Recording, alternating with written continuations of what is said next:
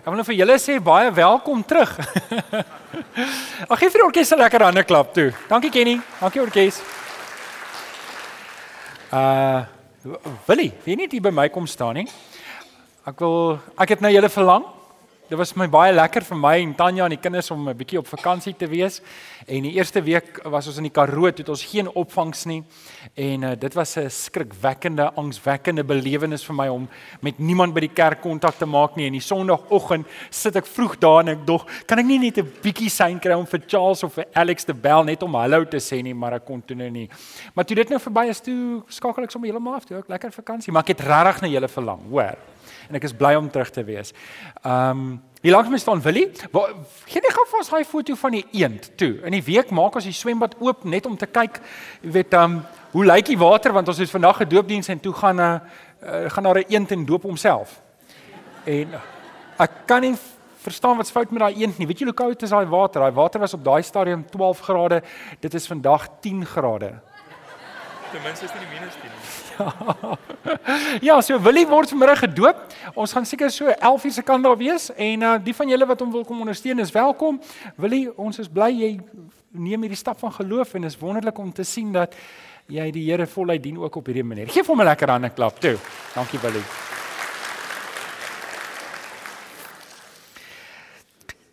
Jy kan vir oggend jou Bybel oopmaak by 1 Konings 19.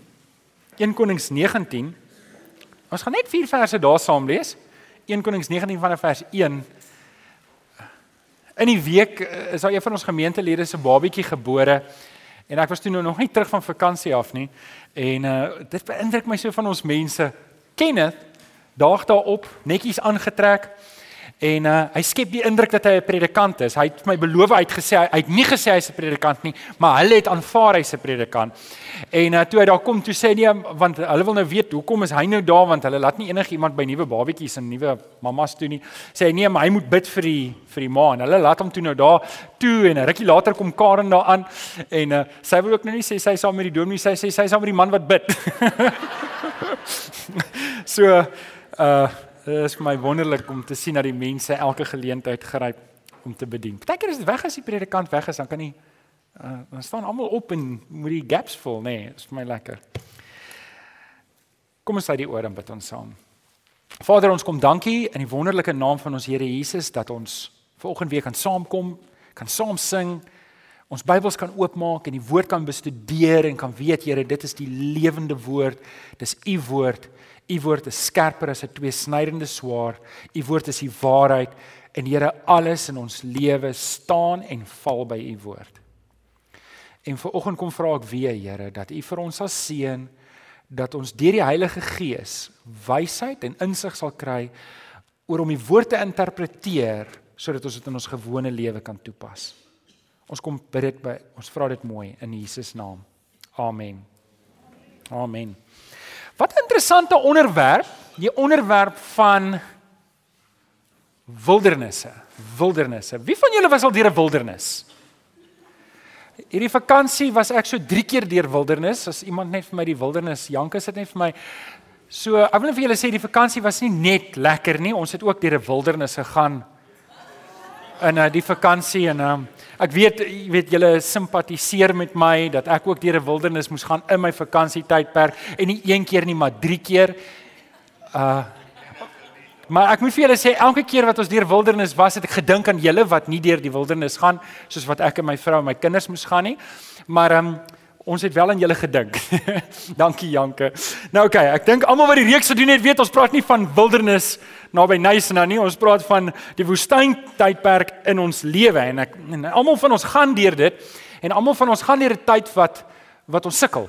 En 'n tyd wat vir ons swaar trek en 'n tyd wat ons nie altyd weet hoe om alles bymekaar te hou nie. En en en, en as jy vanoggend hier sit en jy was nog nooit deur 'n wildernis nie, dan ehm um, moet ek vir jou sê jy kan vir die Here sê dankie maar moenie aanvaar daar gaan nie wildernistye vir jou kom nie. En ek wil vir jou vra, as jy die reeks gemis het, jy kan dit gaan luister al die boodskappe tot op hierdie boodskap is by www.gesinskerk.co.za en jy kan dit daar gaan jy kan dit daar gaan luister. Ek wil ek wil 'n punt maak vir oggend oor Alex het gepreek, Domie Chris het gepreek, Rian het gepreek en ek preek nou En ek ek wil hê jy moet hierdie ding mooi verstaan dat wanneer ons hier staan en ons preek, dan praat ons nie net mooi stories nie. Die eerste belangrike ding wat jy moet weet is ons praat uit die woord van die Here uit. En die woord van die Here is die waarheid. En ek, ek wil jou mooi vra dat jy jou hart mooi sal ondersoek dat die vyand jou nooit mislei dat jy dink hierdie is maar net 'n storieboek en nog 'n mooi boek en is 'n mooi life change boek en dis wat dit is nie. Hierdie is die woord van God. En dis die waarheid. En dis die een ding, dis wat ons spreek. Maar die ander ding is Rian wat laasweek gepreek het, het deur 'n regte egte wildernis gegaan in sy lewe. Hy en sy sussie Karina en Dani en Trudy en ma en pa. En ehm um, ek ek ek dink enige van ons wat sy kind al in gevaar was of wat sy kind in moeilikheid was sal weet kan identifiseer met Dani en Trudy.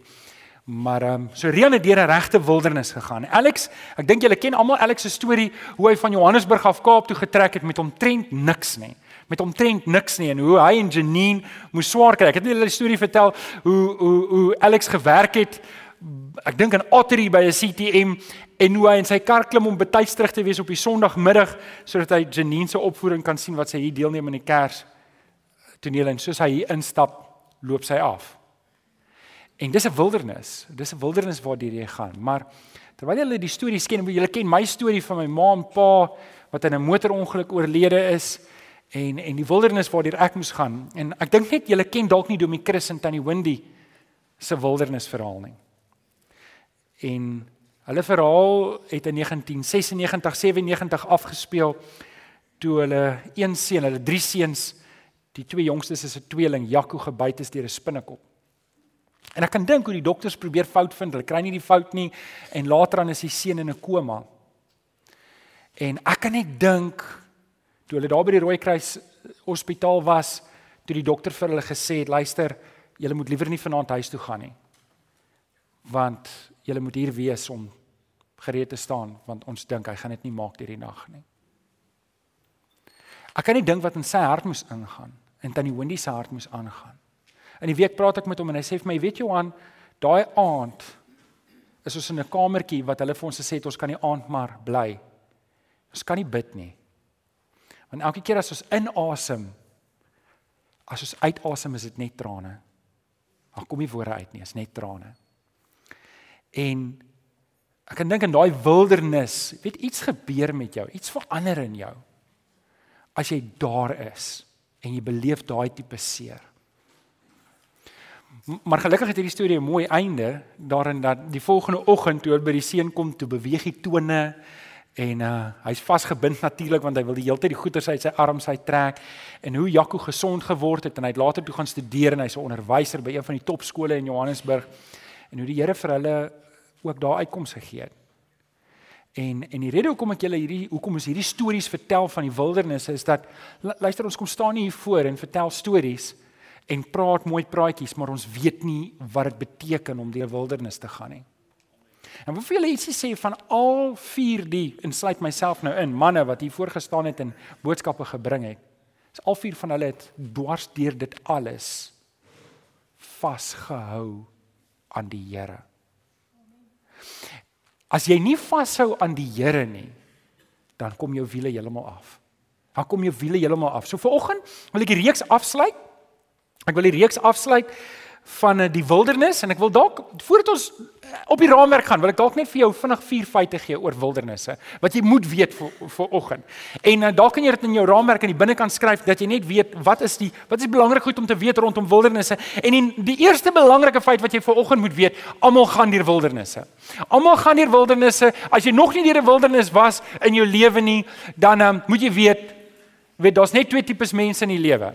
Wel, drie tipes. die een wat in 'n wildernis is, die een wat uit dit uitgaan en die een wat in dit ingaan. So jy kan nou piek wat een jy is.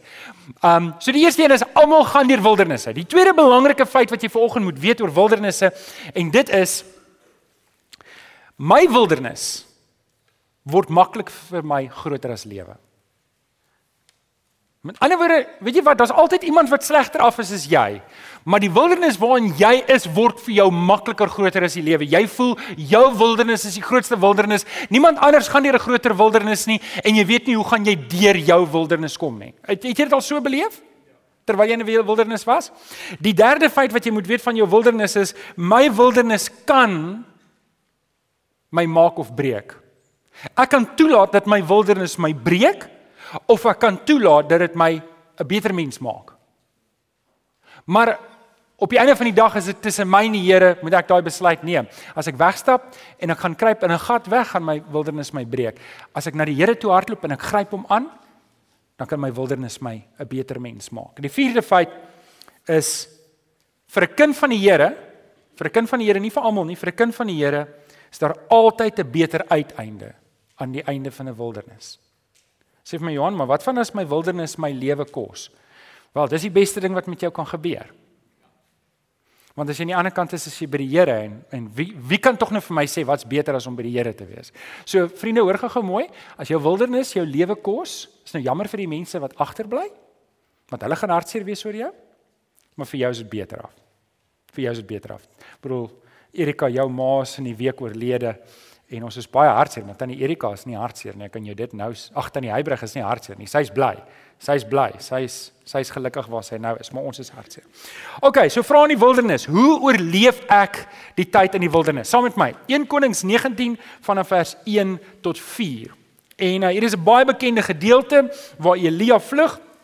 Ons lees in vers 1: Agab het vir Isebel vertel wat Elia alles gedoen het ook dat hy die profete om die lewe gebring het. Nou okay, Agab was die koning van Israel op hierdie stadium en Isebel was sy vrou gewees. Nou, net vir julle vinnig vertel het wat het mense gedoen so Salomo ook. Jy weet Salomo het so baie vrouens gehad. Julle onthou Salomo het so baie vrouens gehad en een van die groot redes hoekom hy so baie vrouens gehad het, is nie omdat hy 'n hartsogtelike mens was nie. Wel, seker nie net nie. Maar dit was soos uh, Alexander die Groot. Ek dink hy het dit ook gedoen. Net jy trou met 'n vrou van die land en trou met 'n vrou van daai land en eintlik wat jy doen is as jy wys vir al die lande ons is polities oop vir handeldryf. So dis een van die goed wat jy doen. Jy trou met 'n vrou van 'n ander sodat jy politieke bilaterale, hoor nou mooi praat ek, transaksies kan doen en internasionale ruilhandel kan doen. Hoorie, dis so oud soos die berge. Agap het dit ook gedoen. Die probleem wat jy dan het en wat Salomo ook gehad het, die van julle wat Salomo ken is, Salomo het met hierdie vrouens getrou en dan hierdie vrouens met hulle afgode gekom. En gesê maar nou moet jy plek maak vir die afgode en jy kan nie vir die vrou trou en sê hoor jy mag nie afgode aanbid jy moet my God aanbid nie want dan breek jy daai verhouding af. Jy sê nou eintlik vir die land met wiese vrou jy trou, luister ek akkommodeer julle sosio-ekonomiese godsdienstige en al daai goeder saam. Ek akkommodeer dit. Ons gaan 'n handskud hê en weet vandag teken ons kontrakte daai tyd trou jy met die vrou. OK. En Salomo het in daai struik getrap en hy het toe met die afgode te doen gehad. Nou, dis presies hier wat met Agab gebeur. Agab het toe nou met hierdie vrou getrou en hierdie vrou het toe nou plek gekry om om Isebel het toe nou plek gekry om hulle afgode te aanbid vir Baal en en en sy het 450 profete daar gehad en voordat hulle hulle self gekry het, was die hele afgodsdiens geïnfiltreer tussen die Israeliete. En die Israeliete was heeltemal die mekaar. Nou julle vriende onthou, ek, ek weet ek wil net gou-gou vir jou sê, ons kyk baie maklik na die Israeliete en veroordeel hulle om te sê, ja, maar die Israeliete was pateties, hulle het so maklik afvallig geraak. Maar vriende, jy moet onthou, ek en jy die Heilige Gees, en dis die Heilige Gees wat ons anker in die woord, dis die Heilige Gees wat ons anker teen die kruis van die Here Jesus. En as dit nie was vir die Heilige Gees wat my en jou anker in die in die Here Jesus nie, dan sou ek en jy net so maklik afvallig geraak het, want ons kan nie die Here dien in eie krag nie. Amen. Amen. So okay, ons moenie veroordeel en staan teenoor hulle nie. Ons het beslis 'n plusfaktor en dis ons het die Heilige Gees. Ons het die Here Jesus wat vir ons aan die kruis gesterf het. So hier sit hulle toe met 'n probleem en die Here roep vir Elia op om hierdie probleem reg te gaan stel. So Elia is in opdrag van die Here. En wat hy toe gaan doen is, hy gaan daag toe die 450 Baal profete uit voor die hele volk. En julle ken die hele storie. Hulle het 'n hulle het 'n hulle het 'n altaar gebou en die Baal-profete moes toe bid tot hulle God en hulle het die hele dag gebid en gesmeek en gesoebat terwyl Elia dit natuurlik geniet het en 'n belag hy maak 'n belag en 'n bespotting van hierdie mense en sê: "Waar is julle God? Roep hom, hy slaap nog, gaan maak hom wakker en allerlei goeters." En toe die dag verby is toe toe, kon hulle niks doen nie. En toe Elia het hulle hulle altaar gevat en hy het 'n offer gebring en hy het gebid die Here en die Here het geantwoord met vuur. Julle onthou die storie, nê? Nee. En toe het hy die 450 profete laat doodmaak. So dis waar ons is. Is almal nou by? Want ons wil nou by die wildernis kom. OK. So Agab het vir Isebel vertel Agab het vir Isebel vertel wat Elia alles gedoen het. Ook dat hy al die profete om die lewe gebring het. So nou, hoor nou hierso, die die Die stert swaai die hond. Hoor julle dit? Hierdie man is heeltemal onder die pantoffelregering. Is dit polities korrek om dit te sê? Ek weet nie. Maar dis die situasie hierso. Toe het Isebel 'n boodskapper na Elia toe gestuur en vir hom gesê: "Mag die gode wat hy nou net verkeerd bewys het, my om die lewe bring as ek nie môre teen hierdie tyd met jou gemaak het soos jy met die profete gemaak het nie." Elia het bang geword en ter wille van sy lewe gevlug. Toe hy by Berseba in Juda kom, het hy sy slaaf daar agtergelaat. Hy self het egter 'n dagreis ver in die woestyn ingegaan en daar het hy onder 'n besembos gaan sit en gewens hy gaan dood. Hy het gesê: "Nou is dit genoeg, Here. Neem my lewe want ek is niks beter as my voorvaders nie." Okay, so dis sy wildernis.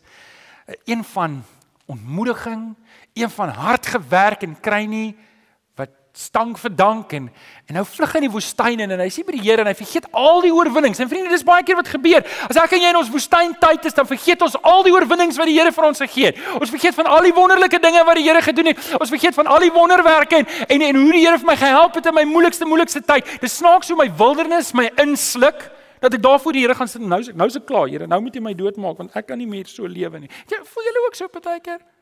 Ons vergeet maar gou, nê? Nee. En ons het die Here, ons het die Heilige Gees in ons harte en selfs ons vergeet so gou. So, ek gaan vir jou sê dalk sit jy vandag in jou wildernis of jy ken iemand wat in 'n wildernis sit en ek wil jou vra om hierdie reeks vir hulle te gee. Maar ek wil vir jou help want ons het nou my werk is om die hele reeks op te som en dis baie maklik om dit te doen maar dit kan ook moeilik wees want jy wil nou nie afsteek teen die ander 3 predikante wat gepreek het nie. Jy moet onthou ek was nou vir 3 weke op vakansie 21 dae so ek is geroes. Ek moet nou aan die gang kom. So ek het 'n groot taak wat vir my voor my lê. OK, so gaan ek ek gaan probeer. Vyf dinge wat jy moet doen wanneer jy in jou wildernis is om deur daardie wildernis te kom. Is jy reg hiervoor? Die eerste ding wat jy moet doen. Doen 'n eerlike self-evaluasie saam met die Here. Nou oké, okay, ons is geleer jy mag nie vra waarom Here nie. Waarom gebeur dit nou weer met my? Maar weet jy, dit gaan oor 'n gesindheid ding. Want jy moet vra waarom gebeur die ding met my? Hoe hoekom is ek in hierdie situasie? Hoe hoekom het ek hier beland? En hierdie is 'n gesindheid ding. Ek vra nie, Here, waarom laat U nou daar's baie slegter mense as ek waarmee hierdie ding kan laat gebeur? Voel jy nie partykeer so daar's slegter mense as as jy nie. Pas op vir daai ene. OK? So, ek moet 'n eerlike self-evaluasie doen saam met die Here. Eh, Paulus sê in Filippense 3 vers 13: "Broers, ek verbeel my dat ek dit alles sal het nie, maar een ding doen ek, ek maak my los van wat agter is en ek strek my uit na wat voor is." In die verse voor dit, lys hy goed waarvan hy hom losmaak. Hy lys die goed wat vir hom 'n las is, die goed wat hom weghou van die Here af. So wat Paulus in effek doen, hy doen 'n self-evaluasie. Hy gaan staan en kyk in die spieël saam met die Here en sê, "Alraai Here, hier is ek. Wat van hierdie goeters is 'n probleem? Wat van hierdie goeters staan tussen my en U?" En vriende, ons moet sulke eerlike self-evaluasies doen in ons lewe. En ek gaan vir jou gou help hoe om dit te doen met 'n wildernis. Jy's in 'n wildernis, jy moet vra hoekom is ek hier? En daar's vier basiese redes hoekom jy jouself in 'n wildernis kan bevind. Kan ek vir die vier basiese redes gee? Dis nie op jou raamwerk nie, so jy kan dit iewers skryf. Die eerste rede waarom jy moontlik deur 'n wildernis kan gaan is want jy het opgemors. Het jy al opgemors?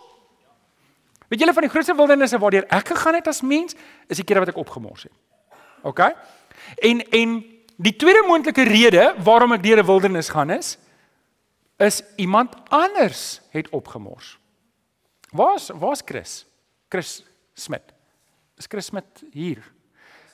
Hy is hier erns. Chris Smit is hier erns. Hy, hy was gister in 'n motorongeluk saam met sy ek weet nie is dit 'n vriendin of 'n meisie, ek weet nie hoe met meisie is dit 'n meisie. Okay. En um en julle sal dit nie glo nie, die ou het aan die verkeerde kant van die pad aangekom. En toe hy dit sien, toe swaai hy uit, toe swaai die ou in dieselfde rigting uit as hy.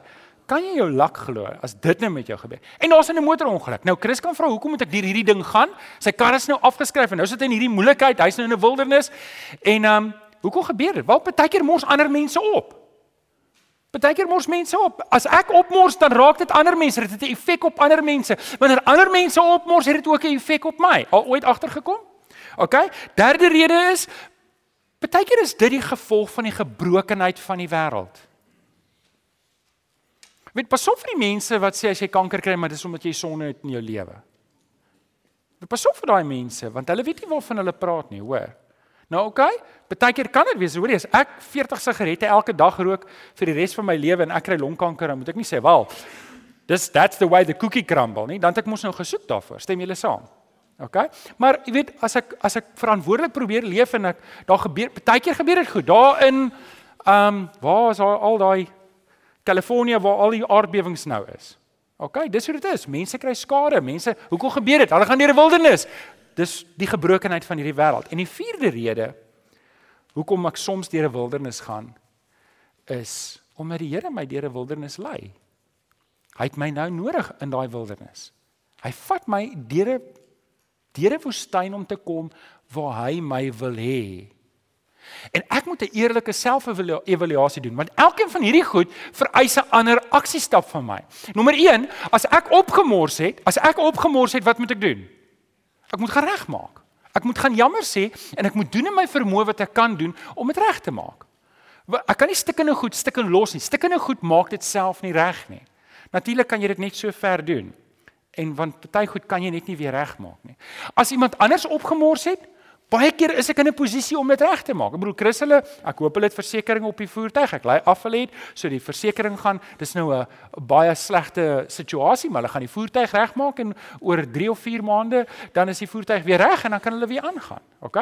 En dan gaan 'n bietjie vergifniswerk gedoen moet word om die ou te vergewe wat aan die verkeerde kant van die pad ry. OK, maar sit dit in jou situasie. Sit dit in jou wildernis. Waar's jy? OK? Dan die derde rede is baie keer is dit die gebrokenheid van die wêreld en as ek niks daaraan kan doen nie, dan moet ek dit aanvaar. Maar die vierde rede, baie keer lei die Here my deur hierdie wildernis. As ek as ek kan sien maar hoorie, dis nie ek wat opgemors het nie. Dis nie iemand anders wat opgemors het nie. Ek kan sien hier's 'n bonatuurlike hand van die Here hierin. Dan moet ek sê, "Goed Here, u dienskneg luister." Ek sal gaan waar U my lei. Vriende, kan ek jou vanoggend vra? As die Here jou vanoggend deur 'n wildernis lei, sal jy hom volg? Wat beteken dit dat jy 'n tyd lank in 'n woestyn gaan wees? Sal jy gehoorsaam wees? Sal ek gehoorsaam wees? Dis die regte vraag om te vra. OK. Neem aksie. Doen 'n doen 'n eerlike selfevaluasie. Nommer 2. Wat moet ek doen wanneer ek in 'n wildernis is?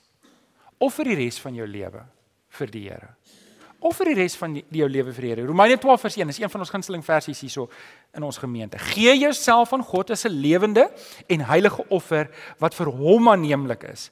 Dit is die wesenlike van die godsdiens wat jy moet beoefen. Ons weet nie hoe lank ons in 'n wildernis gaan wees nie. Ek weet nie. Ek weet nie. Partykeer is ons kort. Partykeer is ons kort. Ek bedoel in Domie Chris se geval, Domie Chris was by PE Baptiste Kerk daai tyd en toe hy deur sy wildernis gaan, het hy gevoel die Here lei hom vir 'n tydperk uit die bediening uit. En hy uit bedank uit die gemeente uit. En hy het Kaap toe gekom. En toe hy by Parow Baptiste Kerk en weet julle ek besef 3 jaar nadat hy deur sy um ter, ter, ter nadat hy en Tannie Wendy deur daai wildernis is en ek bedoel hy was toe nog eintlik maar in dit het ek hom ontmoet en het hy my gevra ek moet kom preek by by um Parow Baptiste Kerk. En hulle het 'n huis gekoop in daai tyd hier in Belwel. En min het ek en hy geweet die Here gaan hom gebruik dat daai huis gebruik word om hierdie gemeente te kom plant. Weet jy hoeveel Bybelstudies van hierdie gemeente was in daai huis gehou? Anneke, jy onthou dit. OK. En en partykeer beland jy in 'n wildernis sodat die Here jou kan posisioneer waar jy is, maar ek en jy moet ons lewe offer vir die Here om te sê, "Goed, Here, Here, ek offer hierdie lewe vir U. As U dan wil hê ek moet hierdie wildernis gaan, as ek kan kom waar U my wil hê, dan gaan ek dit doen." En of dit 'n jaar vat of dit 'n week vat of dit 10 jaar of 40 jaar vat, ek gaan gehoorsaam wees aan U. Daniel se drie vriende. Onthou julle Sadrag, Mesach en Abednego. OK. Koning Nebukadneser het hierdie beeld gebou wat hulle moes aanbid elke keer as die musiekinstrument speel. En Sadrag, Mesach en Abednego het gesê, ons gaan nie buig nie want ons het ons God wat ons aanbid. En en koning Nebukadneser het hulle ingeroep en gesê, luister, as julle nie buig nie, gooi ek julle in die vuur oond. En hulle antwoord was vir my mooi en dis nogal verse waarby ek lewe. Sy sê luister koning, luister koning. Ons God het die mag om ons uit jou hande te red. Maar al sou hy ons nie uit jou hande uitred nie, gaan ons nog steeds nie buig nie. Vriende, as ons ons lewens offer vir die Here, dan moet ek sê, weet julle, Al beteken dit ek word vervolg. Al beteken dit hulle kom vat alles weg van my af. Ek sal nie buig terwyl ek in die wildernis is vir enigiets anders nie. My oë is op die Here. En en dis 'n belangrike deel wat ek en jy moet doen. Romeine 8 vers 28 sê ons weet dit alles ten goeie meewerk vir die wat hom liefhet.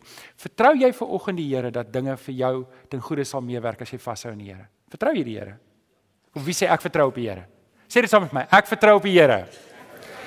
Maar om dit te doen, moet ek my lewe as 'n offer gee aan die Here. En dit bring ons by nommer 3. Kom ons brei 'n bietjie uit oor dit.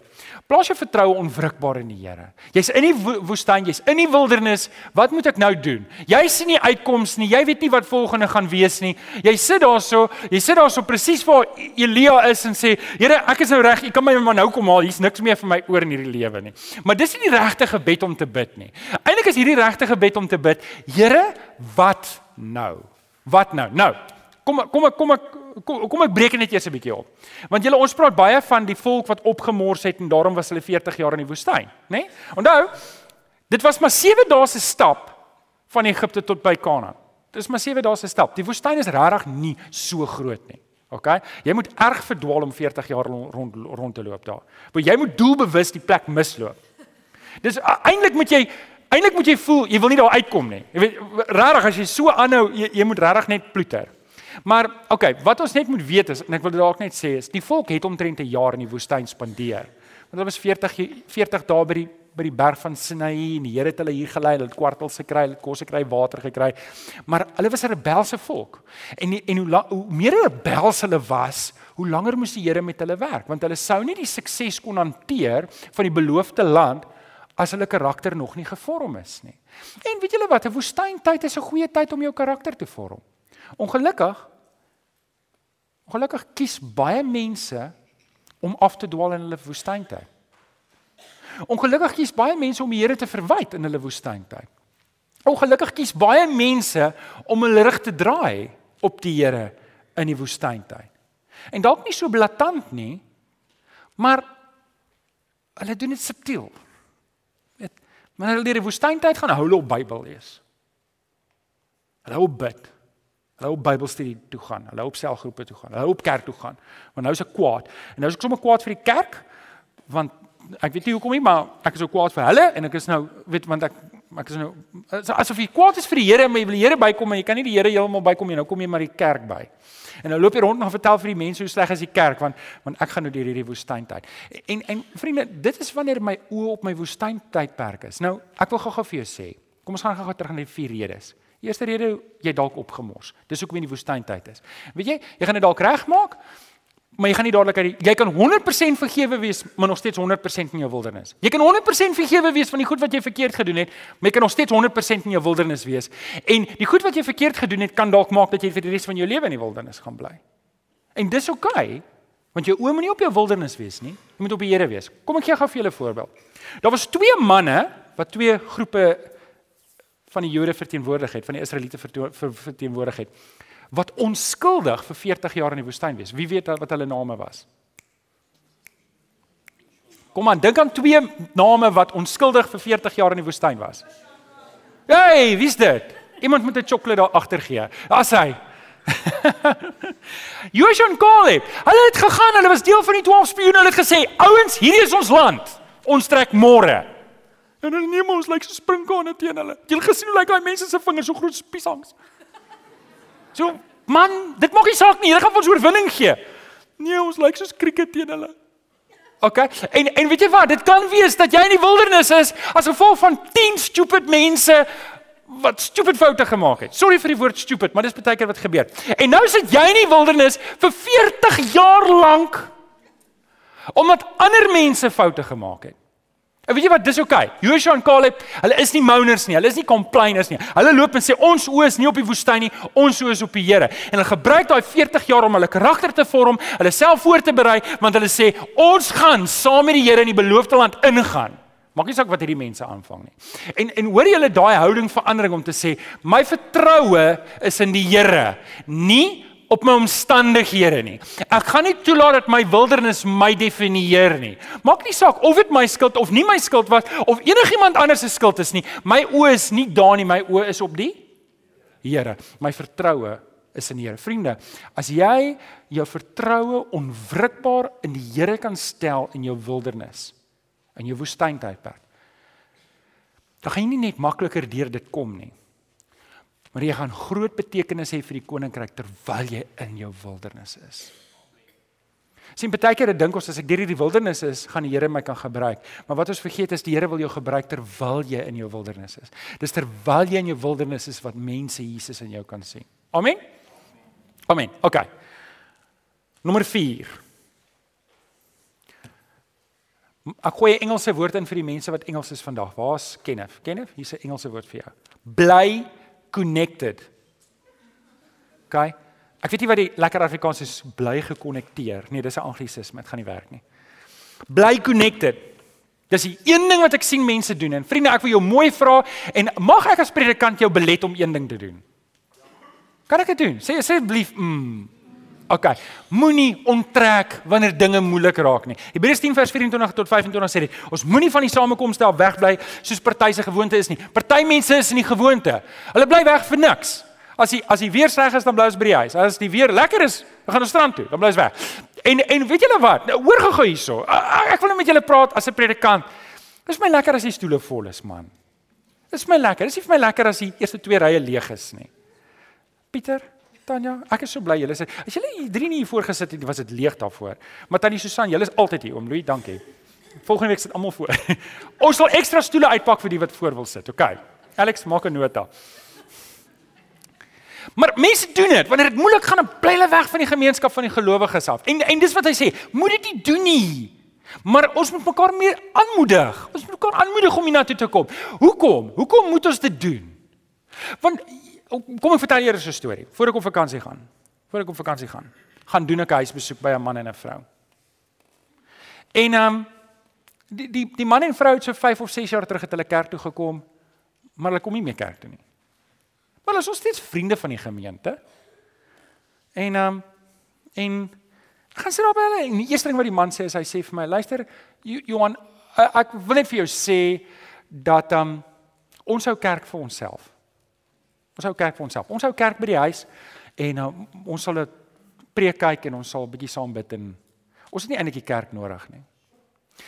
Ek weet en alles in my staan op en sê maar maar weet jy weet jy hoe benadeel jy jouself? Weet jy benadeel jy jou vrou en jou kind? Weet jy benadeel jy jouself deur om so houding te hê? Want weet jy wat? Die kerk is nie Hierdie is nie 'n besigheid nie. Ek het nie gegaan na SARS toe en 'n maatskappy oopgemaak en gesê, "Wel, wat 'n besigheid gaan ek begin? Ek gaan 'n kerk begin." Want ons is 'n NPO en dan hoef ons nie baie belasting te betaal nie. Dit klink soos 'n slim idee, hoor. Wie se idee was die kerk? Dis Jesus Christus se liggaam. As die kerk vir my nie belangrik is nie, dan sê ek eintlik vir God, Here, u liggaam is nie vir my belangrik nie. Ek het u liggaam nie nodig nie. U het die liggaam in mekaar gesit, maar weet jy, Here, ek dink jy het my eintlik 'n fout gemaak. Ek het dit nie nodig nie.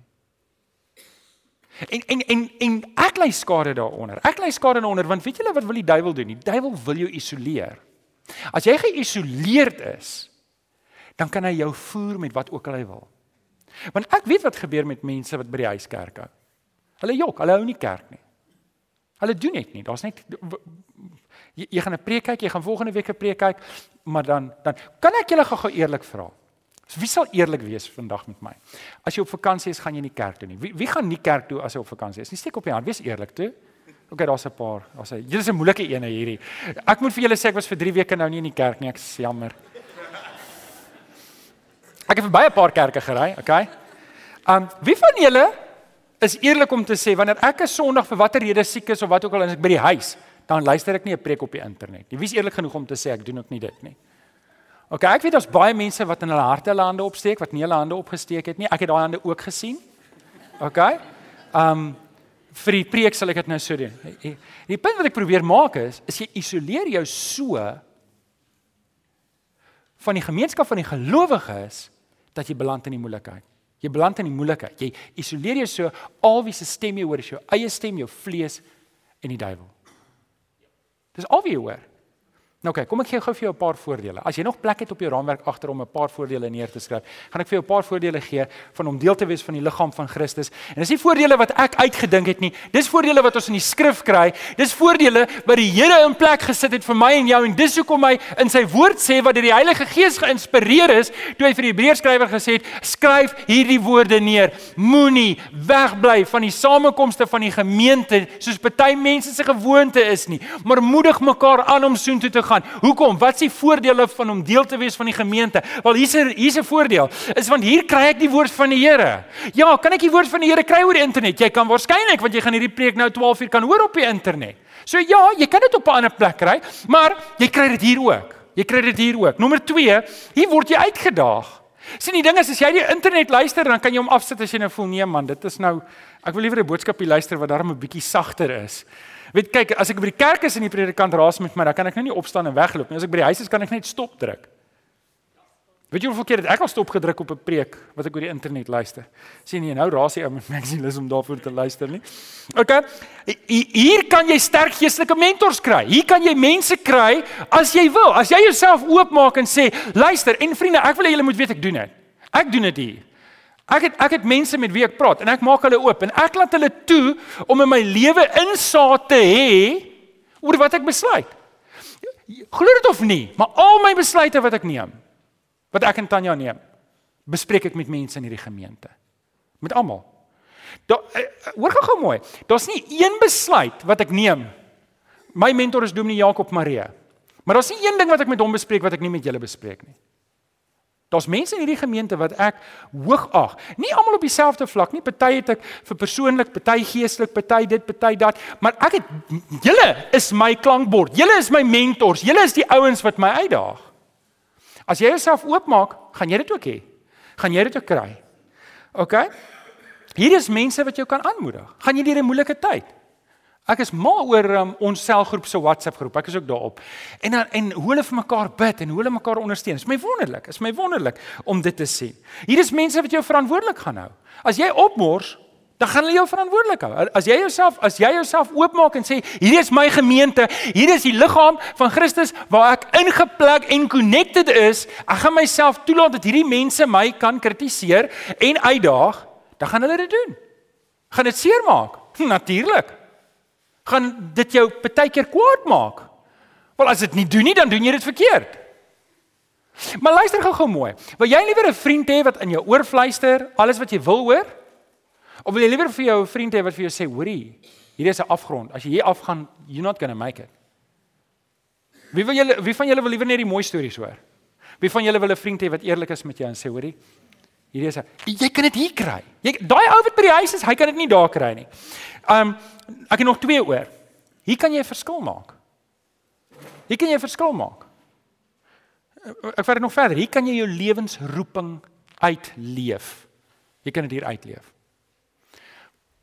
Toe ek klaar gekuier het by die mense, toe staan ek op. Ek was bietjie, ek het lekker gekuier met hulle, maar ek was regtig ontmoedig deur die gesprek dat die ou so voel. Op pad uit sê vir my Johan, gaan nie goed in ons huwelik nie. Ons ons beplan om te skei. Ons beplan om te skei. En soos ons verder stap sê vir my en uh, ons is ek is in die boubedryf, die besigheid is besig om bankrot te speel. Ek dink by myself, ene ou en, en ek het dit vir hom gesê, ek het vir hom gesê, ek het vir hom gesê, luister, weet jy, jy het jouself geïsoleer die laaste 5 jaar van ander gelowiges. Jy het geen van hierdie voordele gehad nie. Nie een nie. Jy het dit alleen probeer doen en weet jy wat? Jy het jou jy, jy het net verder afgegaan en jou huwelik is verder opgemors en en en nou sit jy in 'n moeilikheid en jy het niemand wat jou ondersteun nie. En al wie jou besluite beïnvloed is jouself en die duiwel. Dis al. Vriende, in ons in ons woestyntyd moet watse voordeel Watse voordeel sal ek hê as ek myself onttrek van die gemeente van Christus? Daar's geen voordeel nie. Ja, maar ek is nou nie meer lus vir hulle nie. Kyk hoe vinnig vat dit jou agteruit. Kyk hoe vinnig vat dit jou agteruit. Jy het nodig om hier te wees. Jy het nodig om hier te kom. Jy het nodig om die harde woorde te hoor. Jy het nodig om aangemoedig te word. Jy het nodig om bemoedig te word. Jy het nodig om baie keer 'n klap in die kop te kry. Sorry, dis ek ek praat nou vir myself, nie van jou nie, hoor. Maar asseblief Alex, nie so hard soos die laaste keer nie. Ons het dit nodig. Dis die liggaam van Christus. Ons het mekaar nodig. Sê vir jou langs en ek het jou nodig. As dit net jou man of jou vrou is, sê vir die oh, okay nee, toe maar los daai ene. Okay, laaste ene. Laaste ene. Hou aan aanhou. Hou aan aanhou. Hou aan aanhou moenie opgee nie. Hou aan om te volhard. Sê gou saam met my. Ek sal aanhou aanhou. Ek sal aanhou aanhou. Dit klink net nie reg nie nê. Aanhou aanhou. Aanhou aanhou aanhou. Ek sal hom nog kry. Filippense 4 vers 13 sê ek is tot alles in staat deur Christus wat my die krag gee. Nou oké, okay, waarvan praat hy? Beteken dit luister ek kan 'n berg skuif met my geloof. Luister vriende, daai se daai se hiperbool wat Jesus gebruik. Jesus nie eintlik bedoel ons moet met ons geloof berge skuif nie. So um die berge, hulle staan waar hulle moet staan. Hulle hoef nie geskuif te word nie. So asseblief moenie dink hierdie vers sê jy kan berge skuif nie. Jy kan nie berge skuif nie, okay? Die punt wat Jesus probeer maak is dat ons geloof moet in hom wees. En as ons geloof sterk is soos wat dit moet wees, wat ons hier in mekaar bou, gaan ek kan doen wat die Here wil hê ek moet doen. En wat Paulus met daai vers sê in Filippense 4 vers 13, die vorige paar verse praat hy van al die moeilikhede waardeur hy moes gaan en hy luister. Gaan lees die vorige stuk van Filippense 4 en hy sê ek was in 'n wildernis, maar ek kan deur dit kom deur Christus wat my die krag gee. En vriende, ek wil hê jy moet weet, geen atleet wat voorberei vir die ultramaraton, vir die Comrades gaan op sy 99ste kilometer en ek weet nie hoeveel kilometer dit is nie. Ek weet nie of dit 99, maar stop op die 99ste kilometer en sê nou hou ek op nie. Jy maak hom klaar. En net so, jy daar's da geen rede hoekom jy hoef uit te sak nie. Daar's geen rede hoekom jy hoef op te hou nie. Jy moenie gaan lê nie. Weet jy wat? Partykeer gaan jy stap, partykeer gaan jy kruip, maar vorentoe sal jy bly beweeg in die Here. Wie sê amen daar? Dis 'n wilsbesluit in die Here. Dis 'n houding. Die Here het klaar vir die Heilige Gees gegee. Die Here Jesus het aan die kruis gesterf. Alles is moontlik. Paulus sê in Filippense 4 vers 13, ek is tot dit in staat deur Christus wat my krag gee. Ek doen dit nie my eie krag nie. Ek doen dit nie met my eie wilsbesluit nie. Ek doen dit omdat die Here Jesus my die krag gee. Omdat hy vir my op die kruis gesterf het. Weet julle, ons kyk na die Jode en die Israeliete en ons kry hulle jammer want hulle is val opstaan, val opstaan, val opstaan, val opstaan. Ek en jy het nie nodig om dit te doen nie. Ek en jy het nie nodig om dit die hele tyd te doen nie. Ek en jy kan vashou in die Here. OK, ek gaan afsluit. Ken of julle kan opkom. Ek gaan ek gaan afsluit hiermee. Ek het begin met Domie Chris se storie. En Tannie Wendy se storie, met Alex en Janine se storie en Rian se storie en my eie storie. En die rede hoekom ek hierdie stories vir julle vertel en julle wil herinner aan hierdie stories is sodat julle moet onthou, ons staan nie net hier en praat mooi stories nie. Ons het elkeen deur ons eie wildernis gegaan. En ons het maar net een vertel. Almal Almal van ons het deur 'n paar wildernisse gegaan. Ons sit nie in 'n glaskasteel en vertel vir julle hoe mooi die lewe is. Maar weet julle wat vir my mooi van al vier van ons? Sit in ons moeilikste, moeilikste, moeilikste tyd aan die Here Jesus vasgehou. Ons het in ons moeilikste, moeilikste tyd het ons osself nie onttrek van die gemeente nie. In Domie Chris se moeilikste tyd was hy betrokke by Parel Baptiste Kerk en hy het 'n invloed op my lewe gehad in sy donkerste tyd. Het ek het eers besef nie. Hy het nie rondgeloop te koop om meer om te sê hoor ek gaan eintlik deur hierdie bitter moeilike tyd nie.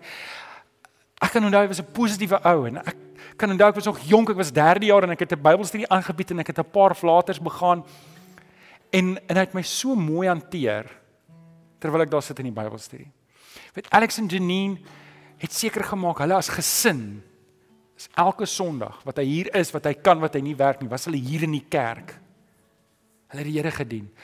Rian het elke Sondag was hy hier gewees. En sy gesin Dani en Trudy, hulle het die Here bly dien. Vriende in jou in jou wildernis tydperk. Ek ek het niks anders om vir jou te sê. Jy moet aanhou aanhou met die Here nie. Jy, moet aanhou. Jy moet aanhou. Eh, weet jy wat het jy het jy al opgemors en en dis hoekom jy in 'n wildernis is? Want gaan vra die Here om dit reg te maak en gaan gaan meld aan en gaan maak reg wat reg gemaak moet word. Moet dit nie net stikkend los nie. Dalk het iemand anders opgemors en jy loop met 'n wroging in jou hart. Dalk moet jy vanoggend vergewe. Dalk moet jy vergewe. Dalk dalk is dit niemand se skuld nie. Dalk lei die Here jou vanoggend. Maar ek wil jou vanoggend kom uitdaag. Kom bring hierdie res van die lewe. Dalk het jy nog 10, 20, 30, 40 jaar oor bring dit as 'n offer vir die Here en sê Here, hier is ek. Ek kan nie deur hierdie wildernis alleen nie. Ek sal dit nie waag nie. Ek wil U dien. Ek wil U dien. Ek wil vir jou bid. Vader, Ek kom dankie vir oggend dat ons as gemeente mekaar kan uitdaag en aanspoor om te volhard. Vader, ons weet dat dat hierdie wildernisse kan maklik vir ons voel of dit ons kan maak of ons dit kan breek, maar as ons in Christus is, dan kan dit ons nie breek nie. Dit kan ons net sterker maak. Soos die woord sê in Romeine 8:28, alles werk ten goeie mee vir die wat U liefhet, die wat volgens U besluit geroep is, Here. En ons weet ons is geroep vir U. Ons weet ons is geroep. Daarom Here, kan ek deur hierdie wildernis kom. Kan hierdie woestyn kom. Of ek opgemors het of ek nie opgemors het nie of iemand anders foute gemaak het, dit maak nie saak nie, Here. Wat saak maak is dat my oë op U moet wees. Dan kan jy vir oggend deur 'n woestyn en en jy het nodig om 'n offer te bring om te sê Here ek kom offer my wildernis vir u.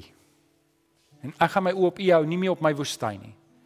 Ek gaan my oop op u kom hou nie op die manna of die kwartels of die water of wat dit ook al is nie ek wil my oop op u vanoggend kom hou. As jy vanoggend jou woestyn na die Here toe wil bring maak nie saak wat dit is nie. Maak nie saak wat jou fout of iemand anders se fout was nie. As jy vanoggend sê Here ek offer dit vir u. Ek gaan u dien. Staan op net waar jy is. Staan op waar jy is. As jy ver oggend 'n woestyn het om te offer. As jy ver oggend sê Here, hierdie ding is vir my moeilik en ek is gereed om op te gee, maar ek weet deur die Gees het ek die krag. Not by might nor by power but by my spirit says the Lord. Is daar nog iemand wat wil staan wat ek wil vir jou bid? Here, U sien hierdie manne en vroue wat staan en ek weet nie wat hulle woestyne is nie, maar U weet wat dit is. U weet wat hulle wildernisse is en ek wil vra Here dat U vir hulle sal kom troos in hierdie tyd. Vir hulle kom nuwe krag gee. Want ons weet Here, die wat op U wag, kry nuwe krag. As ek kyk na Elia hoe hy na U toe gevlug het en hoe U hom saggies hanteer het en hom weer opgetel het en teruggestuur het. Weet ek Here, U kan hierdie manne en vroue terugstuur. Maak nie saak hoe moeilik hulle omstandighede is nie. Kom hou vir hulle naby aan U en seën vir hulle. Ons bid dit in Jesus naam. Die kinders van die Here sê Amen. Kom ons staan. Kom ons staan, vriende. Kom ons staan. Weet julle, ons dien 'n God wat ons deur ons wildernis help. Maar hy help ons nie net deur ons wildernis nie. Hy gee vir ons betekenis terwyl ons in die wildernis is. Maar vriende, ek en jy moet kies om ons oë op hom te hou, want as ons oë in die woestyn is, gaan ons alles miskyk. Amen. Amen. Dankie Kenny. Kom ons sing saam.